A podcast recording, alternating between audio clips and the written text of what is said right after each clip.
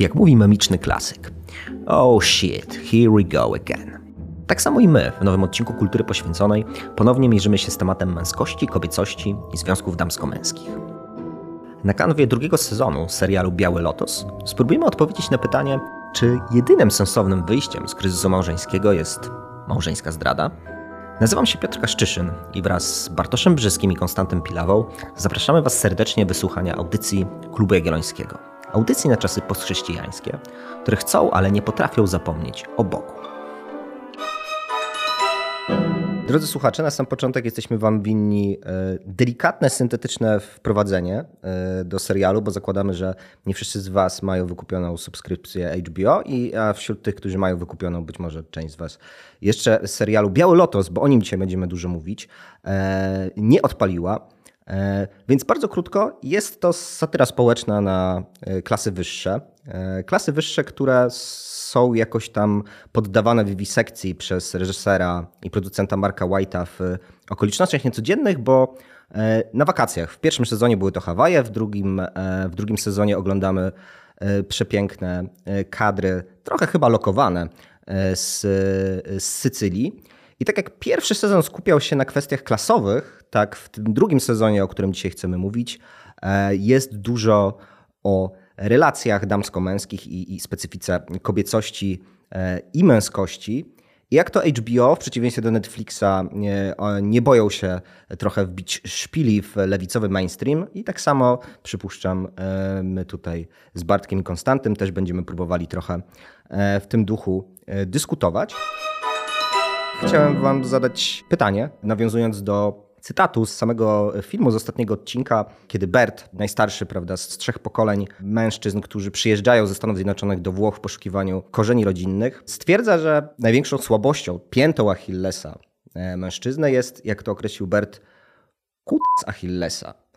I przez cały tak naprawdę, bo to pada w ostatnim odcinku, i przez cały ten sezon dużo jest właśnie o, o, o kwestii relacji właśnie damsko-męskich przez pryzmat tych trzech pokoleń. I chciałem się zapytać, czy wy też jakby tak to odnajdujecie? Odnajdujecie w sobie kutca Achillesa?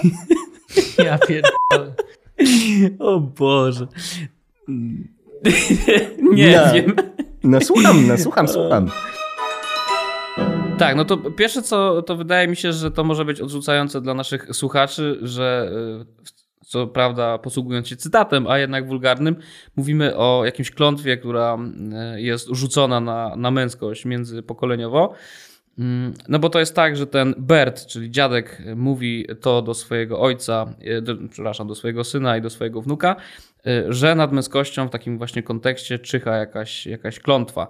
I to nie jest tylko penis, to nie jest narząd, tylko to jest jakaś filozofia, która za tym idzie. To znaczy, że ta męskość oznacza dużo więcej. To jest nie tylko testosteron, nie tylko wykorzystywanie kobiet, uprzedmiotawianie kobiet, ale wydaje mi się, że jakiś taki generalny stosunek do rzeczywistości, który każe męskości zagarniać i pochłaniać to, co jego, trochę traktując normy jakieś takie, które są narzucone, typu małżeństwo, typu monogamia, jako okej, okay, normę, ale co do której można mieć swoje własne wyjątki, swojej własnej prywatności, można realizować te swoje e, porządliwości, bo tak naprawdę wszyscy wiemy, że to jest taki duży teatr, nie? że jakby relacje monogamiczne bycie z żoną przez 50 lat tą samą, że to jest wbrew naturze męskiej, bo natura męska polega na tym, żeby zagarniać, żeby zdobywać, żeby zapładniać i uprawiać y, seks, bo po prostu jakby monogamia jest wymysłem kulturowym, a tak naprawdę z natury męskość jest poligamiczna. Nie? Jest jakaś taka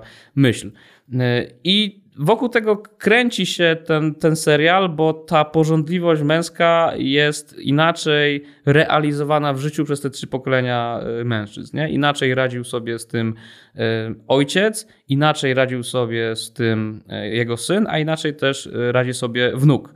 Bardzo w skrócie, dziadek radził sobie w ten sposób, bo żył w ukonstytuowanym patriarchalnym systemie, gdzie mógł sobie na to pozwolić, że żona wiedziała, że on tak skacze z kwiatka na kwiatek, ale że żona była tak unormowana społecznie, że, że musiała być w domu, no to trwałość małżeństwa spoczywała na niej, na niej odpowiedzialności. On po prostu przychodził do pracy i trzymało się to trochę na kobiecie. Na drugim, y, już na kolejnym pokoleniu, czyli ten facet średni ma tam z 50 lat, już znajduje ten, ten, swoją, ten swoją taką męskość nieujarzmioną w kategoriach problemu. Nie? On mówi o sobie, że jest seksucholikiem i tak naprawdę Y, dlatego on taki jest, bo taki był jego ojciec, nie miał wzorców i tak dalej, i tak dalej, ale robi to i mm, uważa to za coś naturalnego, że rzeczywiście zgadza się na to, że męskość taka po prostu jest. No i w końcu syn, który jest z naszego pokolenia, dwudziestoparoletni e, facet bezpośrednio po studiach, który mm, mówi przez cały ten serial nie chcę, nie chcę tak y, być, nie chcę tak żyć w relacjach, nie chcę być hipokrytą.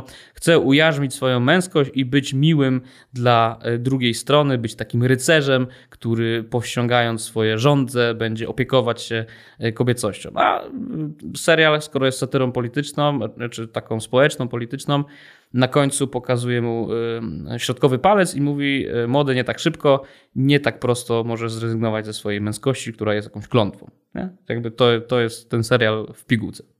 Ja bym jednak trochę tak y, spromatyzował, poczynając od dziadka, bo u, u niego padają nawet takie y, w rozmowie właśnie z, z, tym swoim synem, który traktuje tą swoją fatum męskości rzeczywiście w kategoriach jakiegoś problemu klinicznego, no nie? Bo jeżeli on mówi o sobie, że jest seksocholikiem, to się pojawia wręcz jednostka chorobowa, nie? E, natomiast ten, ten dziadek w ogóle, to jest pytanie w ogóle, czy to był efekt wyparcia, czy on naprawdę w to wierzył? No bo nie, nie wiem, czy pamiętacie, tam padały takie cytaty o tym, że nie, myśmy się kochali z żoną. Nie, moja żona nie wiedziała o tym, że ja na boku, prawda, cimci lincim tereferę, tak? A ten jego, jego syn, seksoholik, mówi mu, tato, co ty gadasz? Jakby wszyscy wiedzieli, nie? Jakby matka wiedziała, ja wiedziałem, rodzina wiedziała. Yy... I to nie jest tak, że matka cię kochała za to, tak? Tylko, że cierpiała, tylko tak jak powiedziałeś, ze względu na to, że mieliśmy do czynienia z systemem e, społecznym, raczej patriarchalnym, no to ona nie miała żadnej drogi wyjścia, nie miała jakiegoś ujścia, nie miała ucieczki, nie było wyjścia awaryjnego z tego systemu, więc ona musiała po prostu cierpieć w samotności i jakoś po prostu tolerować, e, tolerować tę sytuację. I to tak naprawdę było dla mnie dosyć ciekawe, bo jakby łatwo powiedzieć, tak, prawda, był patriarchat, no to on mógł sobie mieć kobietę na boku, e, ale w rodzinie to wszystko funkcjonowało, tylko że on jakby, to jest chyba jeszcze bardziej problematyczne, że on jakby był przekonany, przynajmniej w tym serialu, że w sumie to nic się złego tam nie działo, nie? bo ta, on, ta żona dalej go kochała i yy, ta rodzina działała i wszystko funkcjonowało bardzo dobrze. Nie wiem, czy to była jakieś sankcjonowane, ta, ta, podwójność, ta hipokryzja, ona była jakoś tak sankcjonowana, że on chyba tak mocno sobie to wkręcił w siebie psychologicznie, że w ogóle jakby nie przyjmuje do, tego, że, do siebie tego, że mógł kogoś zranić. Takie miałem wrażenie przynajmniej. No tak, zgadza się, natomiast wydaje się, że Dlatego Biały Lotos i pierwszy i drugi sezon tutaj jest równy na tym poziomie. Jest dobrą satyrą społeczną, bo w równym stopniu śmieje się ze wszystkiego. Nie jest lewacki, nie jest prawacki, chociaż tutaj można dyskutować. Bo tak samo dostaje się temu dziadkowi za to, że w ten sposób traktował swoją żonę, ale wyjściem z sytuacji nie jest strategia najmłodszego jego wnuka, który udaje, że, czy czyni wręcz z kobiet jakichś aniołów, nie? Które, które są bezgrzeszne i trzeba się tylko o nie troszczyć i pielęgnować, nie zauważając, że to są po prostu normalne osoby, z którymi trzeba e, normalnie, e, normalnie je traktować. Ale dlatego wydaje się, teraz o tym powiedziałem, bo rzeczywiście jest tak, że a propos tego patriarchatu, to to jest trochę tak, że ten serial nie pokazuje jego wprost, też zalet, no bo to, że patriarchat utrzymywał się na jakimś etapie dziejów, to nie dlatego, że był spaczonym od początku do od A do Z systemem, tylko oprócz tego, że miał te wady, które dzisiejsza kultura bardzo mocno podkreśla i słusznie, no to miał też swoje e, pozytywne strony. Nie? No właśnie stabilność, właśnie życie rodzinne, które jednak jakieś było bardziej, przynajmniej na poziomie wychowania dzieci, unormowane, tak, było, podział tych ról był taki wręcz oczywisty, tak, dla wszystkich ta stabilność społeczna i bezpieczeństwo w takim systemie była dużo większa. To, że to było niesprawiedliwe najczęściej w stosunku do, do kobiet, to okej. Okay. Natomiast y, wydaje się, że to nie jest do końca tak, że życie rodzinne w tamtym systemie musiało polegać na niesprawiedliwości. Nie? Być może jest tak, że ten najstarszy człowiek, ten dziadek 80-letni, Y, być może sam wie, że nie był idealnym mężem, ale żył w systemie, który był bardziej sprawiedliwy jego zdaniem niż jest teraz, bo widział rodziny, które były bardziej szczęśliwe. Nie? Po prostu bałbym się, takiego, takiej kategoryzacji, że patriarchat to samo zło i tam nie było możliwe do ukonstytuowania takiej normalnej rodziny, która ok, żyje w tym systemie, ale traktuje obie te strony tego związku jako, jako równe. Nie? Bo to wchodzimy po prostu w taką typową lewicową nawalankę, że to wszystko było do, do wyrzucenia, a ja się z tym nie zgadzam. Nie? Generalnie tak, ale to nie znaczy, że nie było wówczas możliwe stworzenie szczęśliwej rodziny. Nie? Patriarchat strukturą grzechu, Bartku? Nie wiem, ja w ogóle nie, nie widzę tego wątku, o którym ty powiedziałeś, Kostek. W sensie ja w ogóle nie widzę, żeby tam dziadek od, odnosił się w ogóle do, do, do patriarchatu czy do, do tego systemu. Bardziej widziałem to na zasadzie takiej, że on poucza swojego wnuka, że on żyje w pewnej łodzie, bo ten Albi, tak, najmłodszy z nich e, wszystkich. On odbija się od swojego dziadka i ojca, którzy generalnie mają takie podejście pod tytułem e, jest żona, ale jest rzeczywistość, mężczyzna musi sobie e, odreagować na boku, tak wygląda świat. On, poznając tą Porsche, czyli tą dziewczyną, dziewczynę w hotelu, podchodzi do niej trochę w taki sposób, jakby E, chciał przepracować swoich, e, no, swojego ojca i dziadka, wobec czego podchodzi do niej bezcieleśnie e, i, i w pewien sposób ją idealizuje. No i to wychodzi, wychodzi komicznie.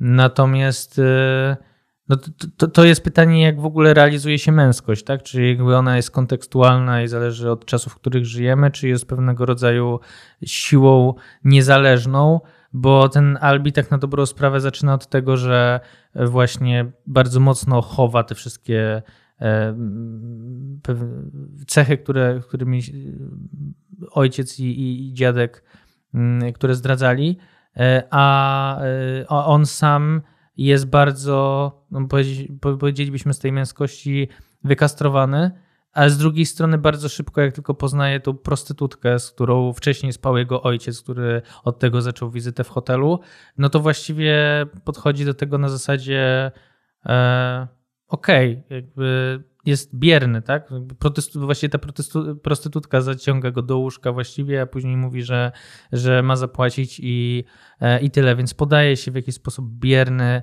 e, tej swojej takiej fizyczności e, męskiej, ale ja nie widzę w nim też jakiejś takiej świadomej tej męskości, więc on wie, on podważa męskość swoich, e, swojego ojca i dziadka, natomiast nie produkuje żadnej e, własnej wizji. Być może to jakby w tym serialu jest jakieś odbicie rzeczywistości pod tytułem nie wiemy, jacy mężczyźni dzisiaj powinni być i swoją męskość realizować, ale wiemy, jacy nie powinni być. To znaczy, powinni być absolutnie mm, partnerscy aż do bierności, E, właśnie maksymalnej konsensualności, e, no i w, w pewien sposób abs absurdalny, nawet tak bardzo, że on daje się niejako wykorzystać prostytutce, która po prostu zaciąga go do łóżka, mówi teraz zapłać, bo tutaj, e, bo się z tobą przespałam, nie? No to jest jakaś, jakaś nie, wiem, parodia tego wszystkiego.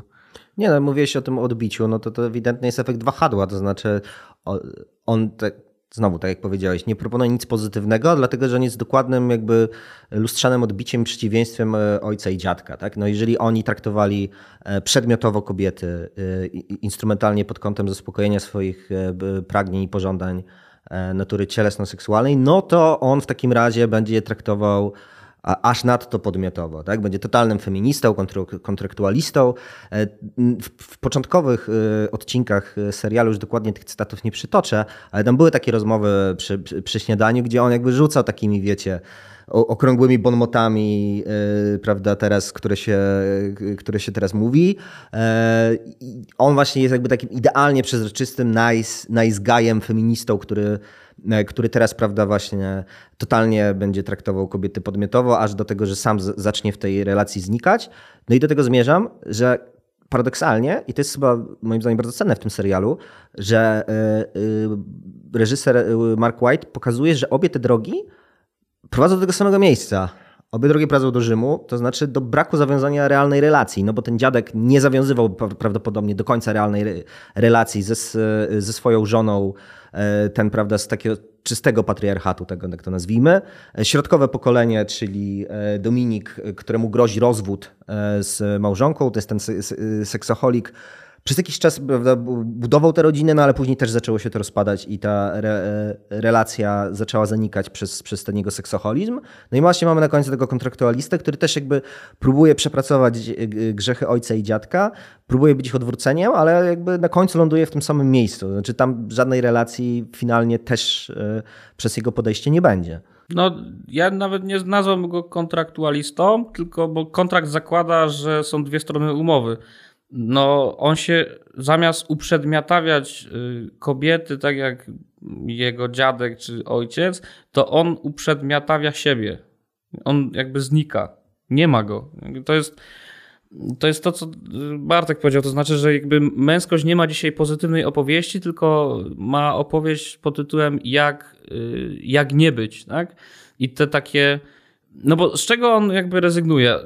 Naturalna potrzeba spełnienia i zdobycia kobiety jest zastępowana poprzez takie bycie przy, przy tej kobiecie, w ogóle nie zastanawiając się, dlaczego ty typie masz być dla tej drugiej strony atrakcyjny. Nie? To jest takie, już jestem i to też jest pyszne i to też jest właśnie takie, można powiedzieć nawet z poczucia wyższości. To jest taka y, opowieść, że ja wystarczy, że nie będę tak jak ten ojciec i, y, ten, i mój i dziadek i, i stanę taki ładny, wypacynkowany po, y, po studiach w Yale albo jakimś innym Georgetown i już bierz mnie, nie? Jakby totalne odwrócenie, nie? To, co się zarzuca w tej takiej narracji feministycznej o patriarchacie, że kobieta jest sprowadzana do biernego przedmiotu, no to facet w osobie tego Albiego za, zamienia się wprost y, w to, nie? Jakby w bezosobowy przedmiot bierny, który stoi jak słup soli i mówi do kobiety weźmie, nie? A kobieta nie mówi, nie chce czegoś takiego. Po co, po co coś takiego chcieć, nie? Skoro to nie leży w jej naturze. No. Symboliczna, e, symboliczna pod tym kątem, e, użyłeś naturę kobiety, to, pewnie jeszcze do, do, tego przejdziemy.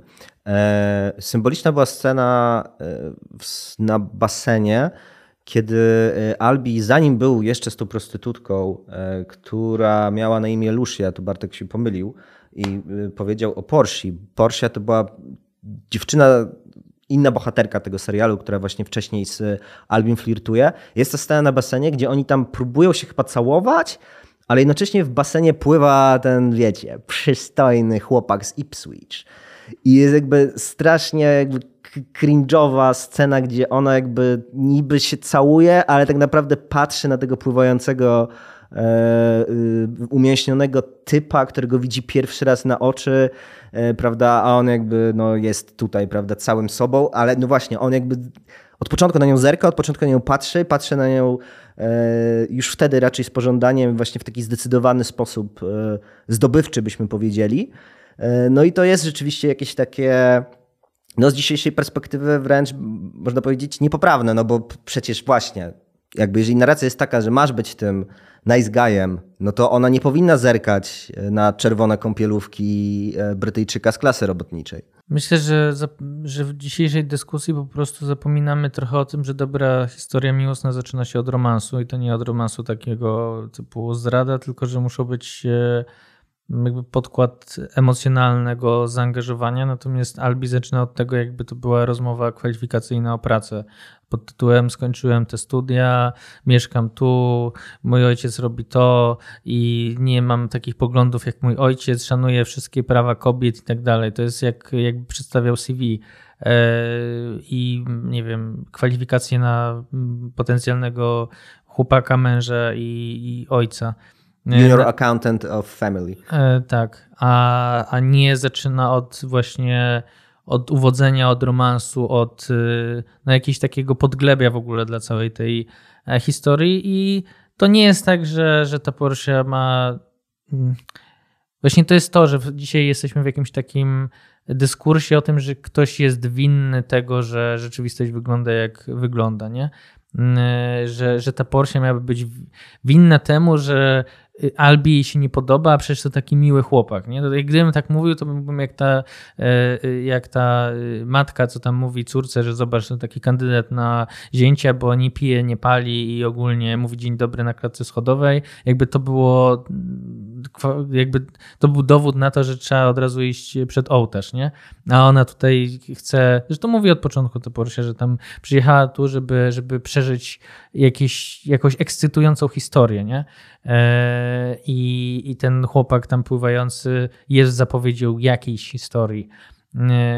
I, I to nie jest chyba jej wina, bo to też jest taki dzisiaj właśnie dyskurs pod tytułem Nie, ona powinna docenić tutaj właśnie miłego chłopaka, bo on się tak stara. No nie, jakby jest jakiś, jakiś antropologiczny mm, realizm i po prostu e, Albin nie kuma tego, że zaczyna że na to, co on robi, to jeszcze przyjdzie pora, a trzeba zacząć od trochę innej, e, innej strony, więc e, Natomiast to, wiecie, no to też jest e, problem tego, że jest taka scena, jak oni, jak on odprowadzają do, do pokoju i nie chce się w ogóle pchać do tego pokoju, tylko pytają, przepraszam, czy mogę cię teraz pocałować, tak? No i jakby to jest w dyskursie takim um, obecnym właśnie na zasadzie uszanowania podmiotowości, e, to jest, e, to jest bardzo racjonalne, ale tak emocjonalnie to jest trudne, bo no bo właśnie, bo to nie jest już przygoda, to jest już, y, wchodzimy w jakąś taką y, umowę, y, więc można oczywiście się zrzymać, że po prostu współczesna kultura uniemożliwia nam romans, a w to miejsce wchodzą jakieś dziwne coachingi pod tytułem e, musisz ją złapać za włosy i zaciągnąć do jaskini, bo jest atawistyczna i w ogóle e, ty musisz tu być, jakby powrócić do tego dziadka, tylko jeszcze na, na sterydach, nie? Z, z jakiegoś komiksu. Powinieneś być takim dyktatorem związku. Twoje związki nie powinny być demokracją, że ty wszystko konsultujesz z dziewczyną, tylko to ty powinieneś wyznaczać kierunek, ty uważasz tak i tak, mówisz to dziewczynie i ona się powinna tak naprawdę uginać pod twoim zdaniem. No nie, no gdzieś ten, ten ciężar leży jednak y, symetrystycznie e, po środku, jest jakiś realizm naszej biologii, e, jakichś kulturowych skryptów, że te romanse były od zawsze i wszędzie i te wzniosłe historie o tym, jak dwójka ludzi się y, łączy w parę, a dziś próbujemy z tego zrobić nie wiem, jakieś, jakieś jakby właśnie są albo te dwie drogi, albo Albi absolutnie bierny, albo jakiś po prostu mięśniak z Ipswich, który bełkocze ledwo co, ale ta Porsche właściwie jest tak znudzona tym Albim, że jak ją wy, wybełkocze, żeby ona poszła tam to, to ona idzie dla samego, samej ciekawości, tak, że, że jestem młoda, chcę coś zobaczyć, nie? No i tak to się kończy. Odnajduję się w tym, że, że zasadniczo nie chodzi w tym wszystkim o to, żeby wracać do jaskini. Natomiast to, co jest niepokojące w tym serialu, to to, co ma każda dobra satyra, że śmiejemy się z tego wszystkiego, ale śmie, śmiejemy się przez łzy, w takim sensie, że jedny, jeden morał, który wynika z całego Białego Lotosa i chyba i z pierwszego i drugiego sezonu jest taki, że relacje dzisiaj nie są możliwe. Wszystkie te osoby, które są w tych, w tych serialach pokazane są jak takie typy osobowościowe dzisiaj, które po prostu funkcjonują i one to jest zbiór skończony. Nie ma innych dzisiaj ludzi. Nie? Są biedni ludzie, jak ten z Ipswich y, typek, który reprezentuje powiedzmy logikę starą szko starej szkoły w uwodzeniu, ale to też nie przynosi mu szczęścia. Jest ta jego właśnie Porsche, która również jest taką osobą, która chce mieć przygodę i to też nie przy, przynosi szczęścia. No, te, trzy, jakby te trzy pokolenia tych Włochów, migrantów, Amerykanów, czyli to, o czym mówiliśmy e, przez pierwszą część rozmowy, każda z tych e, osób jest nieszczęśliwa tak naprawdę i inne typy osobowościowe jakby to, to samo, nie? w sensie, że mega jest fatalistyczny ten, ten serial, jest jak tragedia grecka, jest jakiś fatum, że nie jest możliwa szczęśliwa relacja, szczęśliwy związek. I to, co zapytałeś o tej już nie wyrażając się męskości achillesowej, to nie tylko to jest męskość, tylko to jest jakaś taka fatum, fatum krążące nad relacjami, człowiekiem w ogóle. Nie? Więc jakby to jest mega poważny serial pod płaszczykiem takiej satyry. No tak, no i to widać już na poziomie estetycznym. Drodzy słuchacze, że przed dyskusją, odcinkiem zachwycaliśmy się intrem choćby, które jest dostępne na YouTubie, można sobie obejrzeć, które jest właśnie takim jakimś lekko nabustowanym, przerobionym kolarzem jakiegoś takiego klasycznego malarstwa przez wszystkie odcinki bohaterom w tych pokojach hotelowych y, na korytarzach towarzyszą jakieś starożytne greckie rzeźby, y, momentami w różnych tam pięknych y, okolicznościach dworskich. Pojawiają się nawiązania bardzo bezpośrednie, nie wiem, obrazy do świętego Sebastiana i jego męczeństwa, pojawiają się domowa kaplica e, chrześcijańska i jakby przez jakiś czas rzeczywiście zastanawiałem się, jak to odczytywać. Na początku miałem uczciwie, przyznam, e, estetyczną podjarkę postchrześcijańską, że przynajmniej w HBO jest, są jakieś takie piękne nawiązania, czasami przegięte i przerysowane. To musicie obejrzeć, żeby zobaczyć, jak potrafią zestawić e, obraz świętego Sebastiana z Fellatia na przykład, co o dziwo ma sens jest to dziwne, ale y, było też zaskakujące. Na początku miałem raczej właśnie taką czysto estetyczną interpretację tego, natomiast po, po, po całości tego, tego serialu miałem trochę podobnie jak ty, Kostek, teraz, czyli że y, to było jakieś takie estetyczne towarzyszenie pewnemu antropologicznemu przekonaniu, że właśnie natura ludzka jest stała, i że ta stałość jest raczej właśnie taka deterministyczno-fatalistyczna, i że bez względu na to, czy mówimy o starożytnym Rzymie, starożytnej Grecji, czy nie wiem, średniowieczu, yy, prawda, Christianitas, cywilizacji chrześcijańskiej, to że trochę jak w tym intro, że na początku mamy te piękne obrazy, ale później pojawiają się przybliżenia, które jakby demaskują tą idylliczność yy, tych, tych yy, podstawowych pejzaży, które widzimy w pierwszej kolejności i że tam kryje się właśnie jakaś taka, jakaś taka ciemność, tylko jest pytanie, czy, czy to nie jest trochę tak, że właśnie, czy czy tak naprawdę musi wyglądać e, ten świat, czy ten fatalizm nie jest trochę, no taki wiecie, drapowany, że nie jest jakieś takie to przekleństwo Welbecka, tak? czyli świat bez łaski, płaski i nic za bardzo się już z tym nie da zrobić. W sensie, że po, takim serialu możemy się po prostu łatwo wpędzić w, no właśnie w przekonanie, że nic dobrego się tutaj nie może wydarzyć. W tym serialu to, co mi się podoba najbardziej, to jest to, że ci ludzie niejako postrzegają swoją sytuację jako wyjątkową, ale my z lotu ptaka widzimy, że oni poniekąd są. Te pytania, te problemy się pojawiały, bo są w miejscu, w którym E, w, w, są warunkowani przez sytuację. Tak? Jeżeli jesteś bogatym Amerykaninem, jedziesz na, e, na wakacje, to prawdopodobnie będą się do ciebie uśmiechać prostytutki w barze. I to jest dla ciebie jakiś kontekst. Jeżeli jesteś dziewczyną z Sycylii, która chce kupić sobie ładną sukienkę, to prawdopodobnie jedną z drog będzie, będzie to, że pojawi się przed tobą pytanie, czy nie chcesz sobie dorobić w barze w hotelu. Tak? I to są rzeczy, które pojawiają się przez to, w jakim jesteśmy miejscu, sytuacji i one są trochę niezależne. Pytanie jest, y, co my z tym zrobimy i nie każde pytania pojawią się, nie wszystkie te, te pytania, okoliczności staną przed wszystkimi, nasze ścieżki są gdzieś tam jakoś y, mm, do, dokrojone, tak? Natomiast to, co jest jakoś y, dla mnie niejako przerażającym morałem tego całego e, sezonu to jest to, że, e, że ci bohaterowie poniekąd wiedzą, że te rzeczy, które się pojawiają w nich, doprowadzą ich do, mogą doprowadzić do katastrofy. I każdy sezon tego serialu kończy się tak, że niektóre osoby giną, tak? Niektóre przeżywają i dostają jakby nową szansę, ale niektóre giną.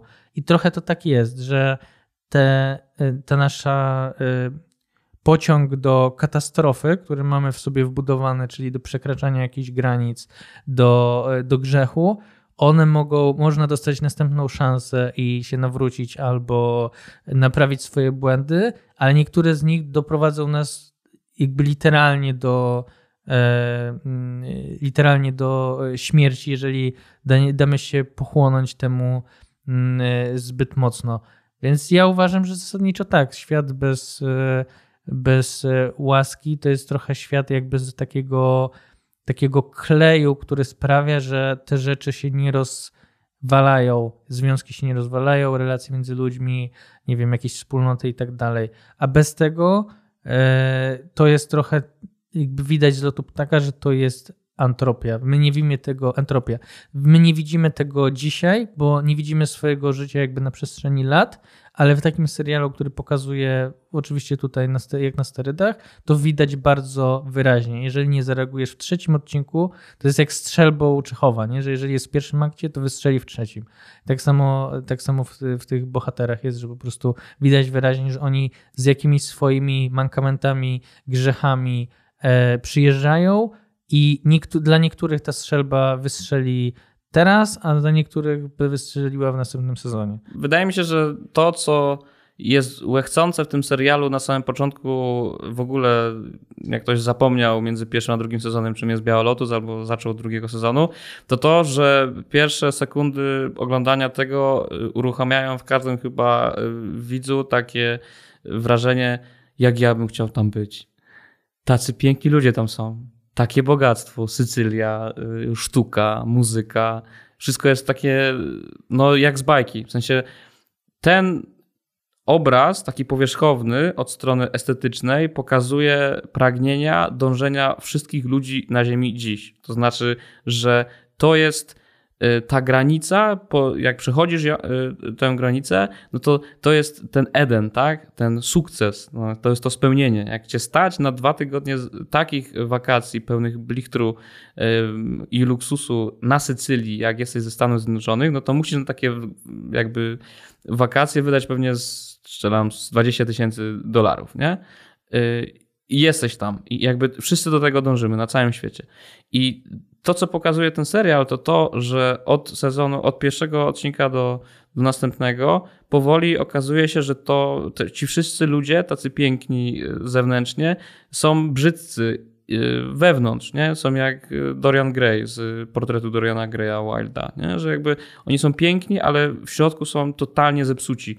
I to jest takie mega chrześcijańskie pod tytułem że trochę uwalniające, że to, do czego my dążymy dzisiaj, jako wszyscy, jako ludzkość, Zgłaszam sprzeciw, jest tak naprawdę puste. Nie, nie o to w tym wszystkim chodzi. Nie? I to piękno, zresztą ta, ta starsza osoba, ta Tania, e, która też tragicznie kończy na końcu, mówi o tym, że ona żyje w takim micie, w takim przekonaniu, że chce, żeby świat był zbawiony przez piękno, nie? że to piękno estetyczne to jest jedyne, co nam zostało, bo jest jakieś takie materialne do, dla mnie dostępne. Mogę się napić pysznego wina, mogę poczuć luksus, mogę pójść, y, luksus pałacu, w którym mieszkam, mogę pójść na operę i tak dalej, i tak dalej. I to jest to, co, co brakowało mi dotychczas i teraz mam już te piękno i jestem zbawiona. Nie? Jakby serial pokazuje, że to jest iluzja, że, że bogactwo czy, czy no właśnie luksus i piękno nawet to, to są dobre wartości, ale które są puste, jeśli nie są ukonstytuowane w czymś więcej. Nie? Sprzeciwiasz się bardzo. Tak, sprzeciwiam się, bo trochę mnie. Yy... Tylko tak powiedziałeś, że o, bogaci ludzie tutaj są piękni, są brzydcy w środku. No nie, ja mam takie poczucie, że ten serial właśnie dla mnie pokazuje to, że pewne rzeczy są wśród bogatych ludzi, czy nie wiem, jakiejś wyższej klasy średniej, bardziej estetyczne, bardziej wyhypowane, bardziej kolorowe i spektakularne może, ale w rzeczywistości te e, problemy są takie same. Ja sobie wyobrażam, że jeżeli były tam dwie pary małżeńskie, to można byłoby to przenieść na, nie wiem, do, y, na polską wieś, do ludzi, którzy mają problem, żeby związać koniec z końcem i realnie problemy związkowe, inaczej trochę rozpisane, byłyby bardzo podobne. Więc to nie jest tak, że my jesteśmy jak w jakimś takim kokonie bezpieczeństwa, bo nas nie stać na y, wakacje w hotelu na Sycylii za 20 tysięcy dolarów. Nie, nie, nie, e, Ja się to ja, tak, to, ja tak, to ja tak to odebrałem. Nie, nie chodziło mi ogóle... o to. Chodziło mi o to, że ci biedni ludzie, którzy mają te same problemy, które mają bogaci, właśnie żyją w przekonaniu, że ci bogaci są coś innym gatunkiem człowieka. Nie? Jak okay. już tam będę, to będę spełniony. To jest te okay. doczesne okay, no niebo. W tym sensie, w tym sensie A tak, tak naprawdę to jest to samo. Nie? To ja bym jeszcze inaczej, bo ty powiedziałeś, że, że tak to manich... przypuszczam, że przypadkowo, ale jest to okazja do tego, żebym się odpalił. Bo tak manichejsko powiedziałeś, że oni są piękni na zewnątrz, są brzydcy w środku, natomiast ja miałem poczucie, że w tym serialu super jest jeszcze to, że właśnie ten realizm taki antropologiczny jest taki, że właśnie jakby tam nikt nie jest w 100% zły, ale nikt nie jest w 100% dobry. No, nawet te postaci, nie wiem, prostytutek mają w sobie jakiś rodzaj, nie wiem, nostalgii, melancholii, jakieś tam, prawda, wątpliwości moralne, Mm, tak. swoje pobudki i tak dalej. W sensie, że to jest jakby rozpisane bardzo sk- sk- skomplikowanie i że to jest y, też jest jakby katolickie w tym sensie, że pokazuje, tak mówiliśmy o tym, prawda, przekleństwie przyrodzenia achillesowym, e, to, to jest trochę jak, jak przekazywanie z pokolenia na pokolenie grzechu pierworodnego, no nie? I, i, I to moim zdaniem też właśnie siłą tego serialu, że jednocześnie trochę oczywiście niebezpieczeństwem, bo to też może nas wpędzać właśnie w takie poczucie, tak wcześniej mówiliśmy o fatalizmie, to teraz, że kurde, tak już ten świat istnieje, więc nie należy się za bardzo starać, bo już nic, z- tym nie zrobimy, nie? Ale że, że trochę jest tak właśnie, że jesteśmy po, polepieni właśnie z takich elementów e, e, dobrych i złych, które jakby tworzą jakoś tam wyjątkowy stop indywidualny dla nas, ale że mówię, no wydaje mi się, że też istotne jest to, żeby sobie powiedzieć, że, że jesteśmy powołani do tego, żeby, żeby te mm, złe elementy jakoś tam odrzucać i je przekraczać. Bartku. No ja chciałem tylko podkreślić, bo powiedziałeś, że nawet prostytutki, nie? W sensie jako taki trochę symbol największego e, zła. No, dzisiaj też- byśmy, też- powiedzieli, te- bym dzisiaj tak byśmy powiedział. powiedzieli, że one są ofiarami systemu wykorzystywania biednych kobiet tak, z lokalnej społeczeństwa przez bogatych mężczyzn.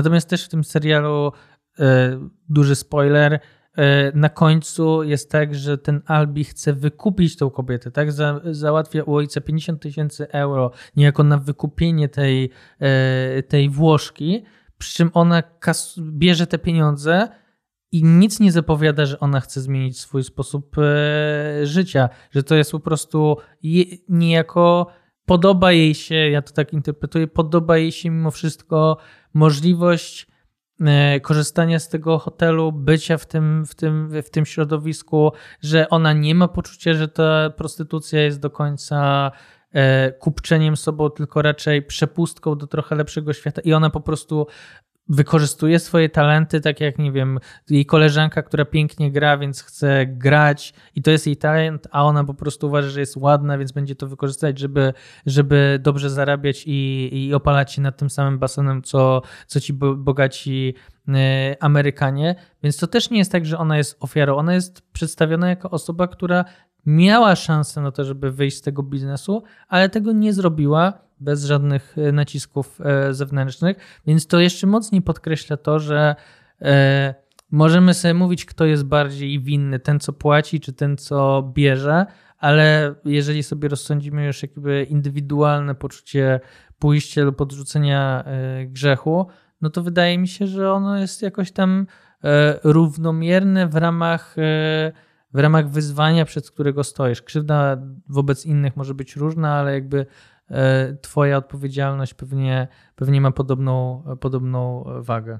Urok tego serialu polega na tym, że na pewno nie da się y, nikogo podtępić. I to jest też fajne, że powiedzmy, jeśli reżyser miał taki cel, żeby pokazać w, krzywym zwierciadle wszystko, co się dzieje na poziomie relacji międzyludzkich, niezależnie od tego, czy ktoś y, uważa się za człowieka mającego takie, a nie inne poglądy na te sprawy, bo to jest ważne, że moim zdaniem w tym serialu równo dostaje się wszystkim, y, no to, to super. I do tego jeszcze pokazał tą grzeszność, czy może nawet po prostu niedoskonałość tych ludzi, czy brak szczęścia tych ludzi jako coś zrozumiałego, coś, co jest logiczne, coś, co po prostu wynika z tego, że okej, no tacy ludzie są, robią takie rzeczy, ale to nie jest po prostu grzech, taki, że to jest coś jednorazowego, tylko to jest po prostu ich sposób życia. No tak nauczyli się żyć i nie ma jakichś mocnych tez pod tytułem, że ja ten czy, czy, czy tego czy innego człowieka mogę ocenić w taki, a nie inny sposób. Nie?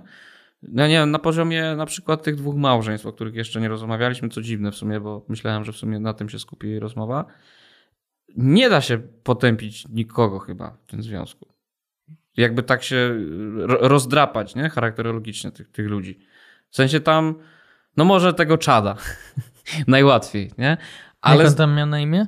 Cameron. O, Ka- Cameron. Ale z drugiej strony Camerona też można usprawiedliwić. W takim sensie, że on cały czas jest y, chłopczykiem, który y, potrzebuje potwierdzenia ze strony kobiet, bo ma niskie tak naprawdę poczucie własnej wartości, nie? Bo cały czas jest w tej logice mimetycznej z, tych, z tym typem z, ze studiów, nie? Który go tam ten... Bartek, nie, powiedz ładnie, jak ma na imię. Cameron. Nie, ten drugi. Ethan. Ethan. I to jest Ja ogóle- generyczne imię z Doliny Krzemowej. Ja w ogóle inaczej trochę interpretowałem. W sensie uważam, że tutaj Cameron jest trochę takim, wiecie, faktycznie Chadem na zasadzie takim predatorem, wiecie, takim, takim kurde gościem, który musi konsumować, Jest nie? playerem. Po prostu to jest gość, który, który y, czerpie energię z wysysania z energii z innych. No, w sensie ja tu akurat jestem dużo bardziej krytyczny, natomiast ten mimetyzm, ja w ogóle uważam, że to jest zła, y, bo to tam wpada wprost ta, ta, ta, ta definicja girardowska w tym serialu. Moim zdaniem ona tam jest nietrafiona. To bardziej jest ta, jeżeli już sięgamy do, do, do Girarda, to bardziej bym patrzył nie na, na mim- mimetyzm na zasadzie naśladownictwa, tylko bardziej, wiecie, na.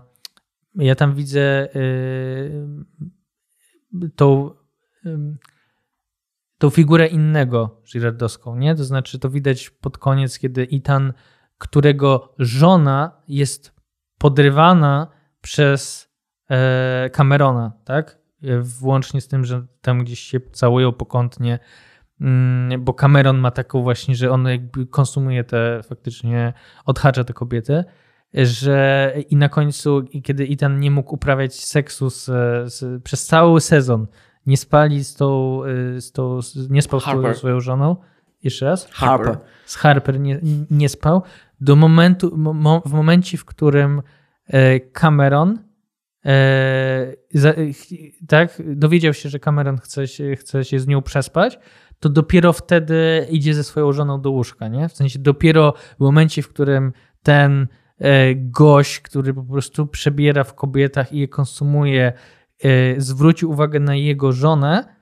na Itana żonę, to dopiero, dopiero Itan, była Itan, atrakcyjna dla niego. nie? E, to, to Ethan dostał po prostu kopa e, jakiegoś takiego testosteronowego i, i e, jest dosyć tam e, namiętna scena, scena łóżkowa z tą e, jego, jego żoną. Czemu Cameron, tylko mówisz o mi- mimetyzmie w, przypadku Camerona, dlaczego Cameron chce iść do łóżka z żoną kumpla, Yy, I tam w ogóle pada, że tak, że i ten mówi, że zawsze to, że Cameron zawsze to robił. Zawsze yy, szedł do łóżka z dziewczynami, które mu się podobały, tak?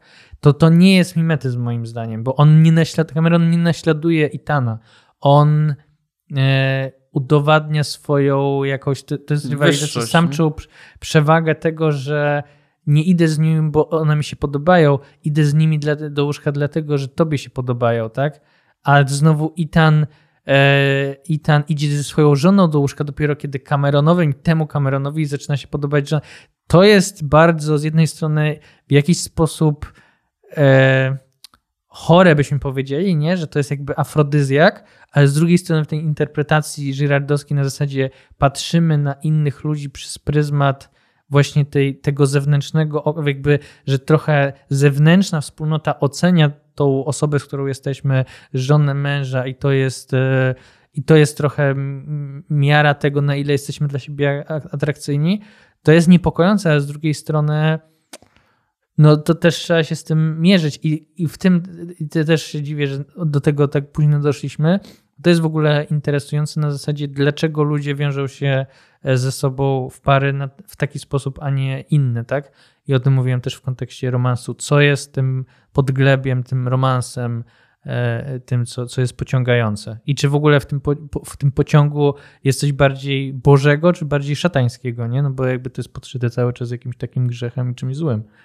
Dwie rzeczy. Y, Pierwsza odnośnie tego, że żeby, najpierw trzeba było to jeszcze w ogóle skomplikować, bo Ethan przez cały serial, tak jak powiedzieliście, nie uprawia s- y, y, seksu z Harper. Generalnie są w jakimś takim momencie kryzysowym związku. Oni trochę są jak taki związek e, Albiego, tego najmłodszego za 10 lat. Tak? Czyli też tak bardzo kontraktualnie, oni mają wspólnotę poglądów, e, są tacy nowocześni, nie mają dzieci. Też jest ważne, że Cameron i jego żona Daphne ma, mają dwójkę dzieci i u Camerona tak naprawdę jego największym plusem jest to, że chyba jest w miarę spokojcem, e, mimo tego, że jednocześnie jest predatorem i graczem. Takie przynajmniej odniosłem No to jest wrażenie. trochę jak, jak ojciec albo, albo jeszcze dziadek Albiego, nie? Czyli Tak, to jest tak, trochę tak, tak, reprezentant starego systemu pod tytułem mam żonę, mam dwójkę dzieci, ale co się dzieje tam na wyjeździe integracyjnym, Tak, to jest tak, moja tak, sprawa, tak, nie? tak, tak.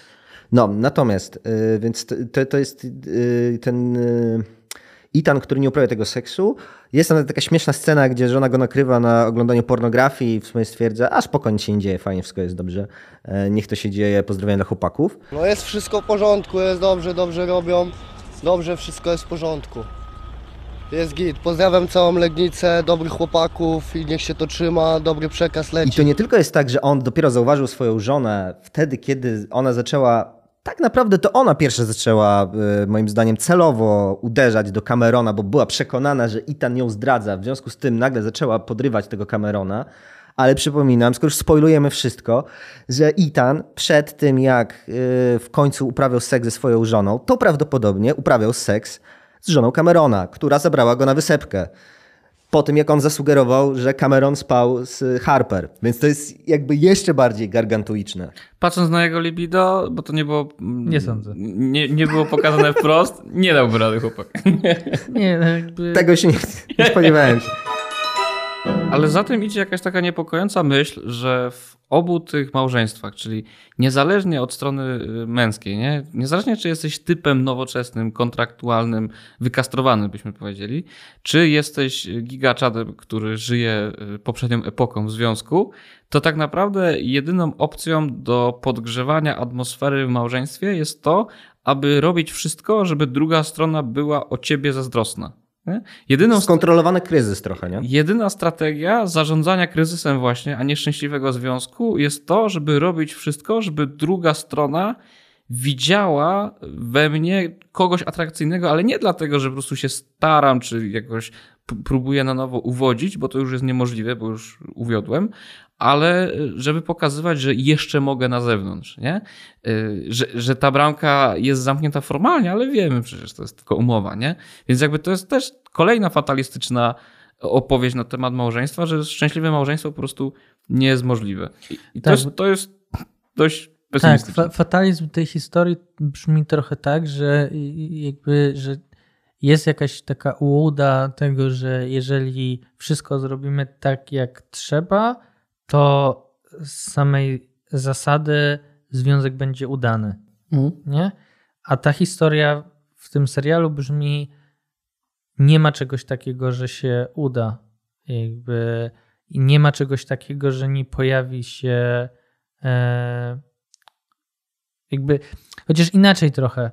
To jest trochę wizja na zasadzie, co zrobić, szarpnięcie cuglami w momencie, w którym jesteś w jakimś impasie i że nie ma żadnego takiego e, bardzo łatwego wyjścia z impasu, nie? Bo to jest taki wstrząs na zasadzie, kurde, obcy typ za, za, zamyka się w pokoju z moją żoną, nie? I to jest jak wyrwanie, jak wyciągnięcie głowy spod, e, z, z, ponad powierzchnię wody, nie? Że po prostu jest jakiś taki strzał paniki. Natomiast nie ma e, opowieści o tym, w jaki sposób nie doprowadzać do tego kryzysu, i być może jest tak, że on nie jest aż taki e, pesymistyczny, dlatego że tak sobie też myślałem w kontekście e, właśnie tego, że dużo mówimy o, o kobietach, tak? Jak kobiety patrzą na, na mężczyzn. Być może dlatego, że, że bardzo nas to interesuje, ale mm, moim zdaniem za mało się zastanawiamy też, jak my sami patrzymy na kobiety na zasadzie, e, co sprawia, że my jesteśmy. E, e, posłużę się cytatem może. Jest taki, jest taka Autorytet. u, u, u Marka Koterskiego w, filmu, w filmie Siedem uczuć. Jest taka rozmowa na kozetce, gdzie Krystyna Czubówna opowiada Miśkowi Koterskiemu, kiedy on pyta, e, kiedy wiem, że ja ją kocham i ona tam wymienia podstawowe takie potrzeby. I jest jedno pytanie, kiedy ja wiem, kiedy, że ona kocha mnie, czy że, kiedy ja wiem, kiedy ja czuję się kochany, o tak. Może wgramy jakiś ten cytat. To kiedy mam wiedzieć, że ją kocham? kiedy ona czuje się kochana, Ja kiedy czuję? Kiedy się czuje A. pożądana, B. bezpiecznie, bezpieczna przy tobie i C. że się przy tobie rozwija.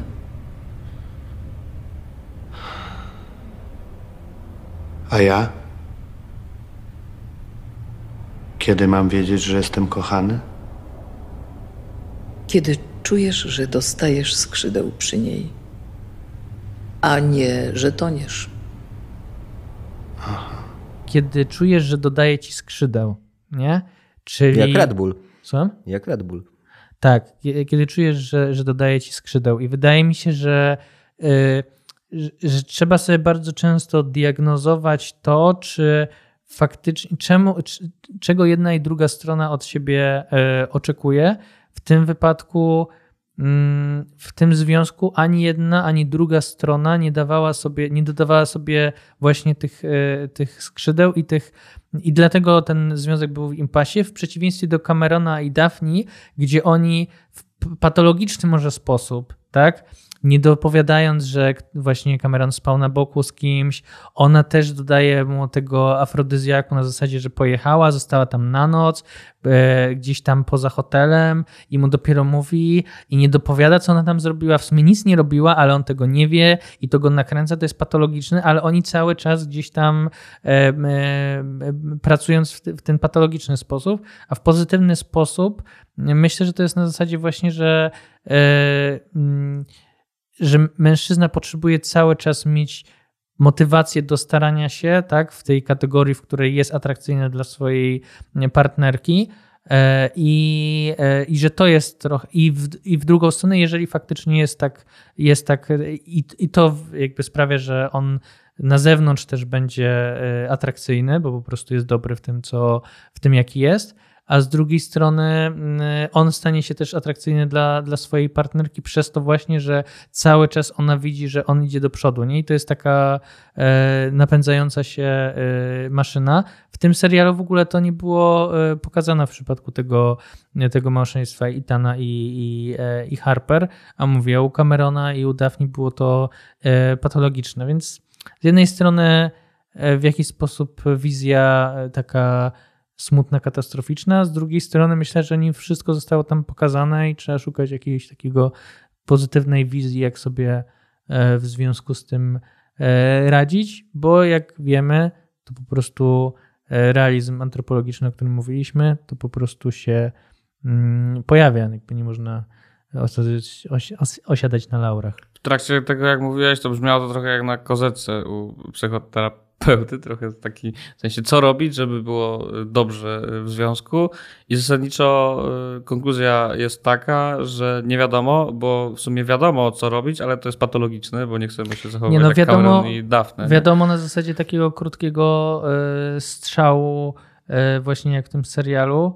E, Natomiast no, wiadomo na zasadzie, myślę, że to jest odpowiedź chyba każdej pary po prostu, nie? Ale jakby, że pary sobie nie zadają tego, ci, po- te postacie w tych serialu nie wiedzą, czemu tak zachowują się, ani się zachowują, bo nie zadają sobie tego e, pytania. My możemy, bo oglądamy ten serial jakby z zewnątrz i, Tak. e, i to jest dla nas Nie, jakaś tam nie po reakcja. prostu ja krótko chciałem, że to jest bardzo, łączy się z tym, co ta mm, pani profesor Joanna Gorecka-Kalita napisała w presjach, nie? o tym Mhm. romansie, y, który jest tak naprawdę pragnieniem katastrofy, że każdy wielki romans europejski y, kończy się albo śmiercią, albo sformułowaniem żyli długo i szczęśliwie.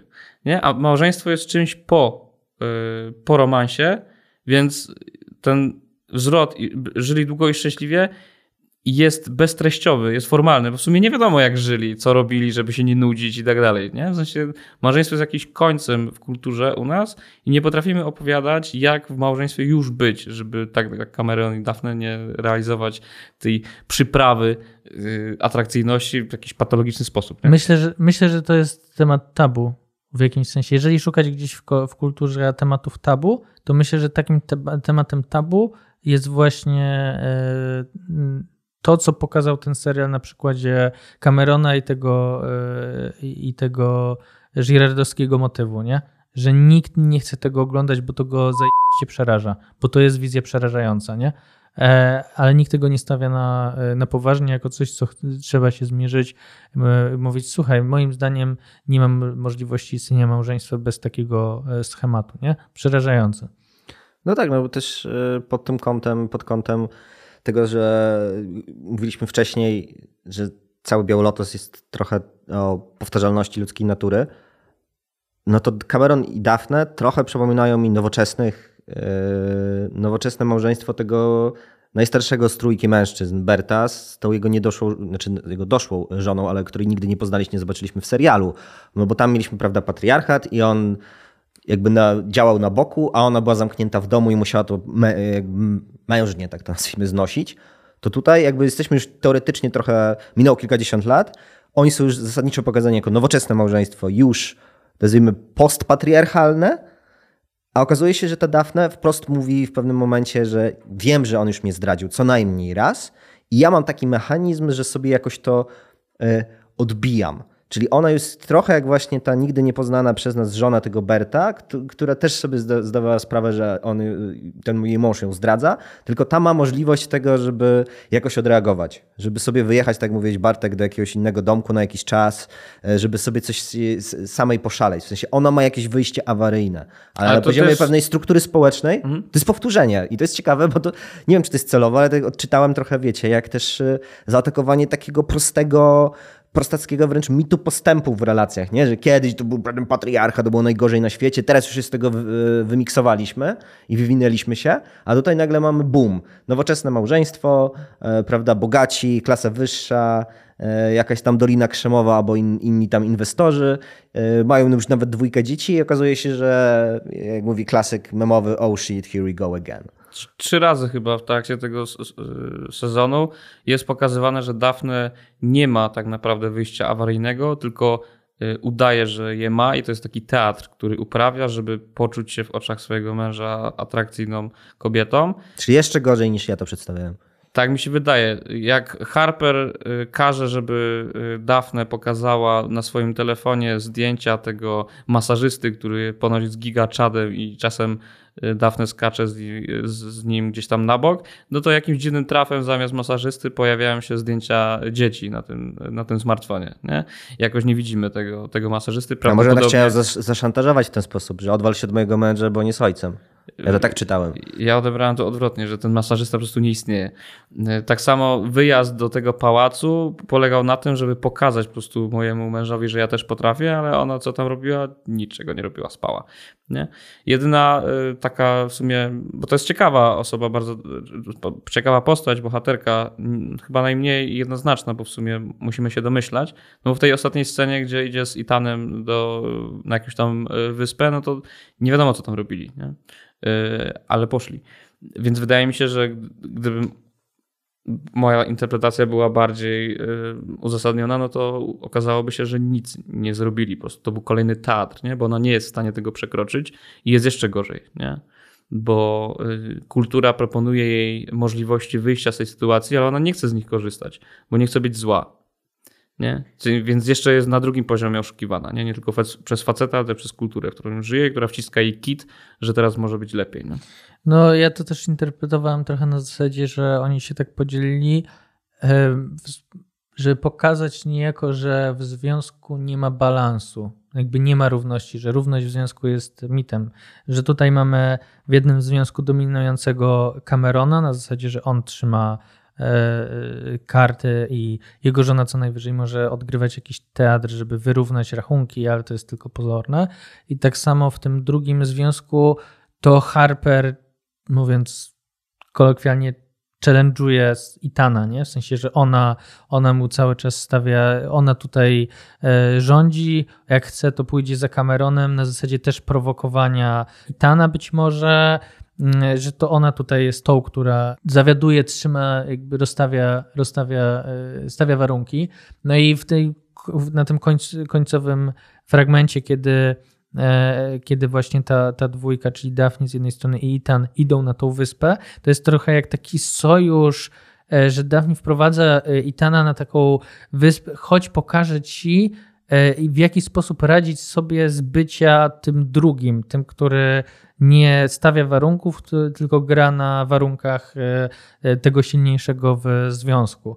E, więc to znów jest jakby takie nie wprost bardzo i takie niewspółczesne, bo dziś się mówi oczywiście, że, że musi być ta, ta równość, a, a tutaj jest powiedziane nie, jakby zawsze, zawsze ktoś jest teoretycznie tym bardziej atrakcyjnym, w jakimś sensie bardziej samodzielnym, tym, który szybciej wywróci stolik, e, a e, jest ktoś, kto jakby próbuje wyrównać to, te, te szale, ale zawsze będzie na straconej pozycji.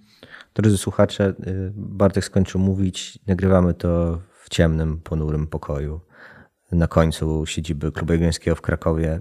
Wszystko estetycznie zgrywa się tak, jak estetyka zgrywa się z treścią serialu Biały Lotos. To jest idealny odcinek na koniec Adwentu.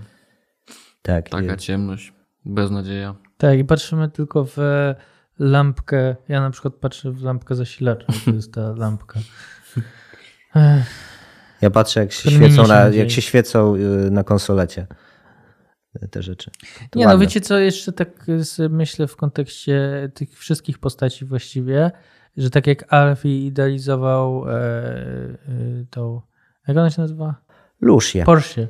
Lu, Lucie. Nie, on, Porsche. W sensie, że podchodził do tej... A, do tej pierwszej, do, do tak, tej pierwszej Porsche. w sposób taki właśnie kobieta jako idea, e, że w, w dużej mierze te wszystkie problemy, które w tych związkach się pojawiają, to jest to, że ludzie nie traktują siebie, nie chcą znać prawdy, tylko traktują się na zasadzie pewnych figur i wyobrażeń o tym, czym powinni być i że boją się natury, spotkać z naturą drugiej osoby, nie? Że, że ona może być w jakiś sposób dziwna, może spaczona, może, że, że jest jakaś, że jest nasza jakby, jest, jest, jest fizyczność, jakaś biologia, jest jakaś, jest jakaś sfera taka bardziej wzniosła i że to wszystko musi jakoś, jakoś ze sobą grać, żeby to się, e, żeby to się udało, nie? Więc, e, ale nie wiem, czy to jest poświęcone. Właśnie to jest ten problem, nie? W sensie, czy jest, jak wygląda poświęcony związek, który jednocześnie jest związkiem realnie szczęśliwym. Być może jest tak, że to jest też mit, nie? Że, że dlatego ludzie dzisiaj mają tak dużo depresji, bo e, dostali wreszcie warunki do tego, żeby nic ich nie ograniczało, po czym okazuje się, że i tak nie daje im to szczęścia, a kiedyś byli ograniczeni, więc liczyli na to, że w końcu to, to szczęście się pojawi, bo się wyrwał z tego, co ich zniewala do, do, w drodze do szczęścia. Więc e, nie wiem, może taki dokładnie e, stale szczęśliwy związek po prostu to jest mit. To ja jednak pozytywnie, bo jest jedna postać pozytywna w całym tym serialu No. ostatecznie. Znaczy z fabuły wychodzi. Znaczy powiedzieliśmy, fabuła jest tylko pretekstem, ale teraz potraktuję ją poważnie.